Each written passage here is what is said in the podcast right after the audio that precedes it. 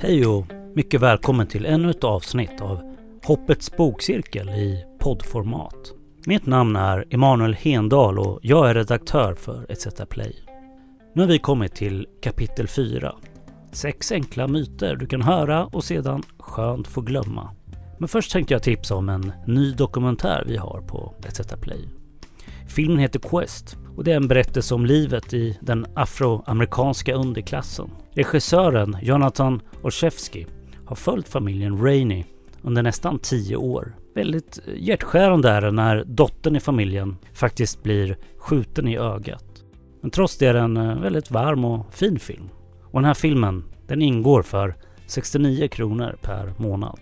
Men så till Johan och i vanlig ordning så börjar vi med frågorna. Okej Johan, eh, har du fått någon eh, ny fråga sen sist? Ja, jag fick en fråga från eh, Eva som sa eh, så här, men Johan, stämmer det verkligen att det går så fort? För jag pratar ju om att om vi gjorde en helhjärtad satsning på solel så skulle det faktiskt bara ta tio år att ersätta all den smutsiga elenergin vi använder med ren solel. När man gör sådana beräkningar då är, och visar det i fördubbling vartannat år, då är det ju en eh, teori, det är ju en matematisk eh, exempel. Eh, om inte världen investerar så mycket mer i solel varje år så kommer det ju inte att ske. Men det är faktiskt så att på jorden just nu, så det sista året, så har det här, den här matematiken stämt. Mm. Så det fördubblas eh, vartannat år och det är ju, beror ju framförallt på att många länder som inte har gjort så mycket har börjat komma igång. Inte Sverige, men många andra länder. Vad tror du att det beror på att eh, Sverige är liksom sämre än många andra länder? Ja, men Sverige har ett stort problem med att vi har en bioenergilobby som motarbetar eh, sol och vind. Framförallt sol. Det är därför vi har de här konstiga reglerna som begränsar hur stora tak man får ha eh, sin egen el på och så vidare. Det, nu har de höjt gränsen till 500 kilowatt, vilket är ju en stor anläggning, men Idag pratade jag med ett sjukhus som tog beslut att inte sätta upp solceller därför att den där konstiga regeln fanns. Men om, om vi ska återkomma för ämnet, till ämnet för själva kapitlet. Om man gör, tittar tillbaka och funderar på hur lång tid tog det att ersätta alla hästar med bilar så tog det tio år. Och då var ändå bilen helt ny som maskin, så att säga. Den eh, massbilen behövde tio år på sig för att få bort hästarna från gatorna. Eh, och det är otroligt snabbt. Eh, man tittar på hur man ersatte eh, ska vi säga, vanliga mobiler med smartphones så tog det någonstans runt tre år. Globalt alltså. Enormt mm. snabb förändring. Och de här exponentiella eh, uträkningarna handlar om att när, när man väl har gått in på ett spår och samhället säger att det här, det här är bra, nu, nu satsar vi på det här. Och konsumenterna säger det och producenterna säger det och då säger bankerna det också. Och då, det går otroligt fort. Men finns det det allra minsta, ska vi säga, motstånd i form av politisk krångel eller att bankerna inte har begripit eh, vad det handlar om eller att man tror att man ska tjäna mer pengar på olja och gas några år till. Eller så då blir det jättesegt. Apropå ett stort inflytelserikt bolag så tänker jag på en sak i filmen Hoppet. Stor hållbarhetskonferens och det var massor med företag där. Och så sa jag att jag gjorde en liten rolig uträkning apropå er debatt om Prem. Om ni lägger ner Prem, bara lägg ner det, så skulle ni få så mycket el att alla bilar i Göteborg och Västra Götalandsregionen skulle kunna gå på den el som Prem idag använder. Det var början på den här kampen om Prems utbyggnad. Så pratade jag i Göteborg i en jättestor sal där eh, vi diskuterade omställningen och där jag påpekade att Prem faktiskt eh, är ett jätteproblem och att eh, den fossila energin som tillverkas i raffinaderier, den tillverkas av ren el. Det där känner inte folk till, men för att göra diesel eller bensin så måste man göra, gör man det med el. Och då mm. konstaterar jag att om vi slutar göra diesel och bensin i Prem och istället skulle använda elen direkt i elbilar, då skulle vi kunna driva hela Västra Götalands bilflotta bara genom att lägga ner Prem. En sak med Prim måste jag bara säga. Det är lätt att säga att så här, och, eh, som du gjorde. Och jag håller ju med om att det är bra med elbilar om man har solceller själv och så vidare. Här har vi ett företag som gör det den ska göra, drivmedel. Men då måste man också inse att det är inte det företaget vi ska lyssna på, det som har skapat problemet, om vi vill hitta lösningen. Och det där blev inte så populärt i salen eftersom då satt Prems ansvariga styrelse i lokalen. Mm. Eh, sant. Eh, jag har fått en fråga. Eh, vad tycker du är mest intressant inom forskning och utveckling av solcellsteknik? Det som är mest spännande är att man börjar hitta sätt att göra gamla solceller mera aktiva. Det är olika ämnen från att producera alger eh, Eh, som man faktiskt försöker använda. Och det, ju, det, skulle innebära att nya solceller blir ännu effektivare men kanske också att man så småningom när det behövs kan åter eh, få fart på gamla solceller så man inte behöver byta solceller om 10, 15, 20 år. All forskning just nu är ju koncentrerad på olika typer av lagring av energi. Ska vi göra vätgas av solelen när vi inte använder den? Ska vi lagra i batterier? Ska vi lagra i stora pumpkraftverk? Vad ska vi lagra i? Där pågår jättemycket spännande forskning just nu. Är det där som vi liksom är flaskhalsen om man säger, inom just eh, solcellsteknik? Eller? Nej, inte i praktiken, utan man tänker sig ett samhälle där vi har 50% av all energi från solen och 50% från vatten och vind och lite andra, geoenergi och annat, då behöver vi mycket mer lagring. Idag är det inte så att vi har akut behov av lagring, för det finns mycket vattenkraft. Det finns mycket pumpkraft och så vidare. Så att vi kan ganska enkelt lagra den solenergi som vi faktiskt producerar på dagen. Lagra den till natten eller lagra den till mulna, mulnare veckor. Mm. Men det, det, är ju inte så att eh, vi har en jättebrist på lagring, men i och med att för att få fart på solceller, då tänker man att då måste vi ha löst lagringsfrågan. Eh, jag tycker det är jättespännande att vi kommer att kunna använda elbilarna som lager, men det är ett senare kapitel. Just det, ja, det är häftigt. En sista fråga då. Eh, jag tycker solcellspaneler är rätt fula. Finns det några Finns det några på gång som är mer estetiskt eh, tilltalande? I vår eh, solpark i eh, Katrineholm, där finns det både vackra solceller, fula solceller, snälla solceller, röda solceller, plåtsolceller. Det finns allting. Det finns alla typer av solceller faktiskt. Men de, de, som har slagit igenom och de som man ser, de här blåa med vita ränder emellan, Eh, det är de som är billigast och det är därför de har blivit absolut störst på alla tak. Så att eh, vill man vara, göra ett väldigt svart tak så kan man göra det utan att man ser att det är solceller på taket till exempel. Så att det finns lösningar, men då får man åka till parken i Katrineholm och gå runt och titta på olika saker som finns.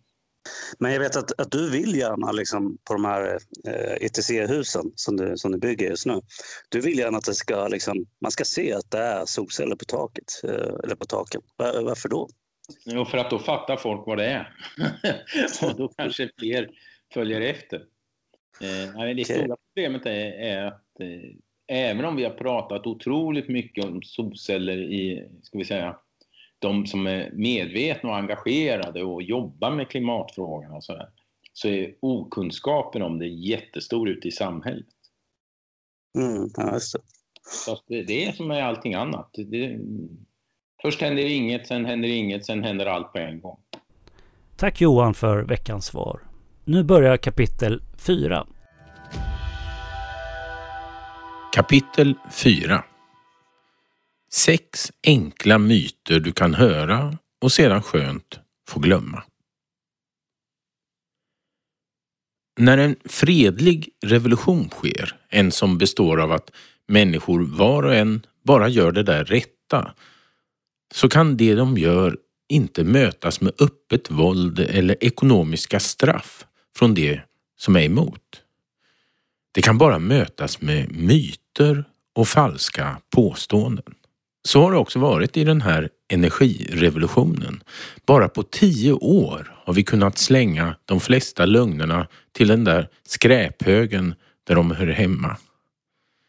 Till exempel påståendet att solenergin inte räcker, att den inte är lämplig för elnät eller inte kan bli billig eller andra myter upprepas. Och därför kommer här sex stycken du helt enkelt kan strunta i. Exempel 1. Bidragsberoendet. Den första myten är påståendet att förnybar energi måste ha bidrag medan fossil energi är lönsam och lever på egna meriter. I själva verket satsar världens stater mycket mer pengar på stöd till fossil energi. Cirka 5 000 miljarder kronor per år enligt OECD.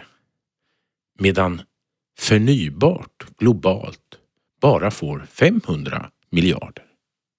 I Sverige är siffran 30 miljarder i stöd för fossilt och 3 miljarder i stöd för förnybart enligt Naturskyddsföreningen. De stora bidragstagarna är alltså olja, kol och gas. I Sverige och globalt. Exempel 2. Det är mörkt på jorden när det blir natt. Nej, i själva verket är det aldrig helt mörkt på jorden. Solen lyser alltid någonstans på planeten och det skulle räcka med ett tunt, tunt bälte av solceller runt hela ekvatorn för att världen alltid skulle ha solel till alla. ABB har för övrigt tekniken redan för likströmskablarna som kan gå över haven. På samma sätt så blåser det alltid på jorden och det finns oändlig mängd geoenergi lagrad i jordskorpan. Det är aldrig mörkt, det är aldrig stilla på vår jord. Exempel 3.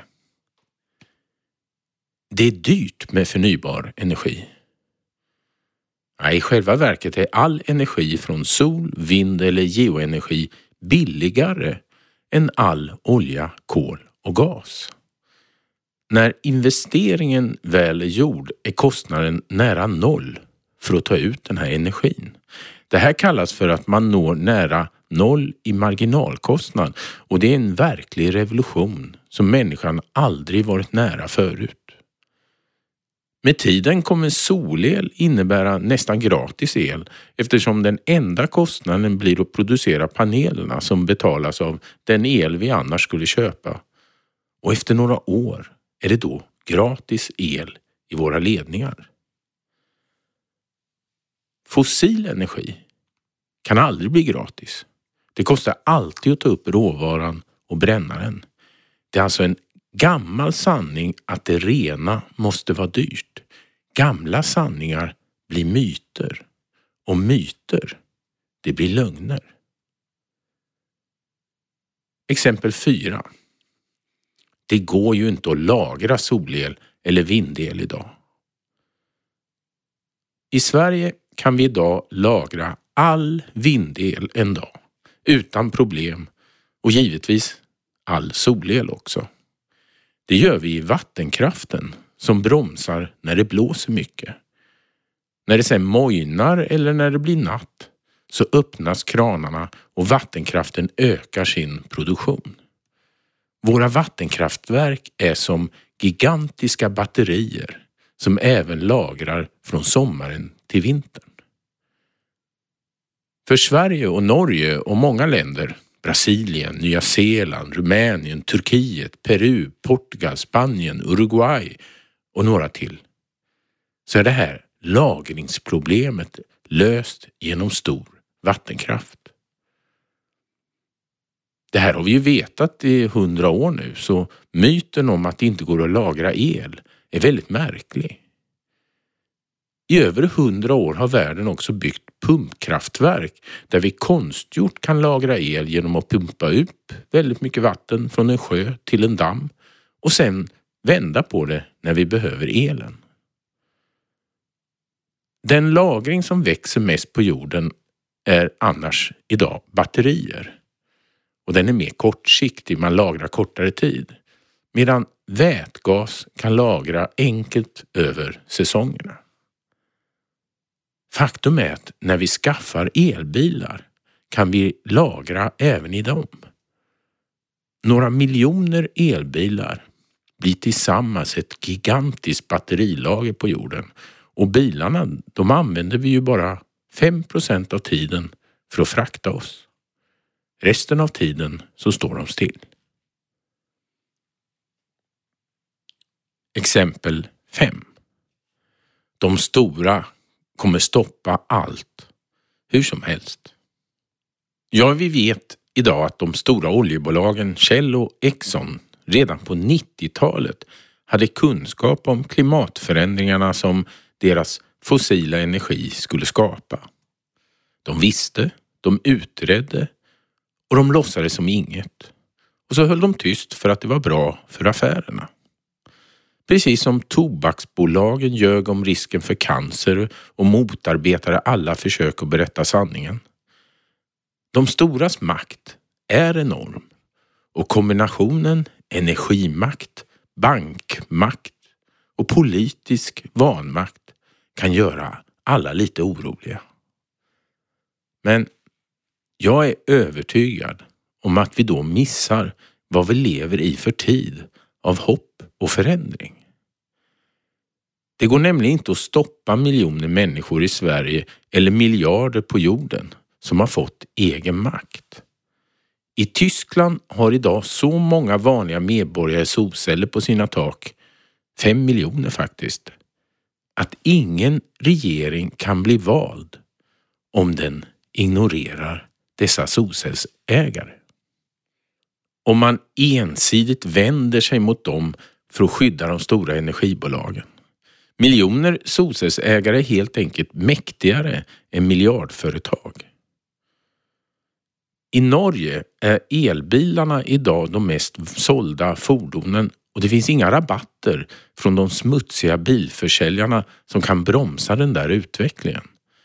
Det vore ju därmed politiskt harakiri för ett parti att kräva stöd för Volvos smutsiga dieslar i det landet istället för stöd till elbil. Men det handlar inte bara om antalet. Det finns en kvalitativ skillnad när enskilda kan göra sin energi, försörja sina hus, skapa energin som driver de egna bilarna på vägarna och kanske i förlängningen dessutom gemensamt dela på dem och på elen man gör. Att förvandlas från konsument om något man passivt tar emot och köper från de stora till en aktiv producent som konsumerar sin egen elenergi. Det ändrar makten i hela energisamhället. Det vi ser är inte en revolution som handlar om att tycka att någon borde ändra något. Det är en revolution som uppstår när man faktiskt gör något som är bra för en själv, men också därmed bra för alla andra. Det kan i längden ingen miljardkoncern stoppa. Exempel 6. Det finns för lite sol i Sverige. Det här är en enveten myt som eh, nog beror på att vi alla tycker det är lite för långa vintrar och för korta somrar. Men solen finns här, vinter som sommar. Det som skiljer är bara antalet timmar som det är ljust. Eftersom vi har både vind och vatten att kombinera så är bristen på sol inte problemet. Sverige är dessutom ett av världens minst befolkade länder. Det räcker med en yta motsvarande ungefär halva Öland för att producera all el landet konsumerar med solceller. Eller vi kan lägga solcellerna på Vättern och därmed göra all el vi behöver där. Fast det är ju smartare att sätta dem på taken där vi bor. Men det är inte yta vi saknar. Det enda det är riktig brist på är kablar från Sverige så vi sommartid kan exportera ännu mera el från sol och vind. Då skulle vi få bort mera smutsig kolkraft på andra sidan Östersjön. Att bygga ett balanserat elsystem i Sverige med den billiga och nästan gratis energi vi får från vatten, vind och sol är alltså inte svårt. Vi har redan gjort det eftersom vi har ett elsystem som måste klara de där kriserna som kan uppstå när hälften av elproduktionen försvinner de där dagarna då kärnkraften snabbt måste stoppas. Ja, det här har ju hänt och det kommer att hända igen. Bonusmyt. Solel är inte klimatsmart. Ja, det finns de som på allvar hävdar att solceller inte är klimatsmarta. I Sverige är det kärnkraftsvänner som driver den frågan. Solceller har, som allt annat som produceras, klimatutsläpp. Ungefär 30 gram koldioxid per kilowattimme som solcellen producerar. Jämför då med kol som har 1000 gram. Det här betyder att solel betalar sin miljöskuld på ungefär ett år. Första året kan man säga att all el går till att betala skulden. Sen gör den helt ren el i minst 39 år till. Det finns ingen annan elproduktion som klarar det här.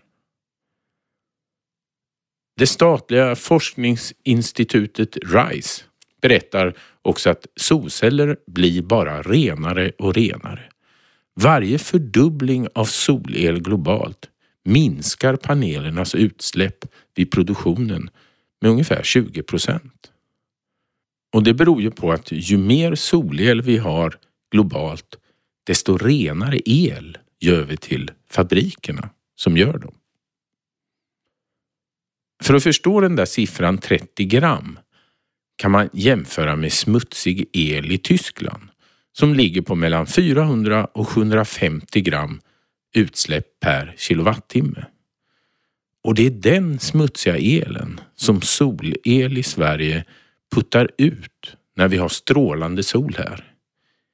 Elnäten är nämligen ihopbyggda. Vi exporterar vår rena el. Svensk solel minskar kolel i Polen. Till exempel. Det var allt för den här gången. Skicka in dina frågor till play-podden snabela etc.se e eller kommentera i våra sociala medier. På återhörande.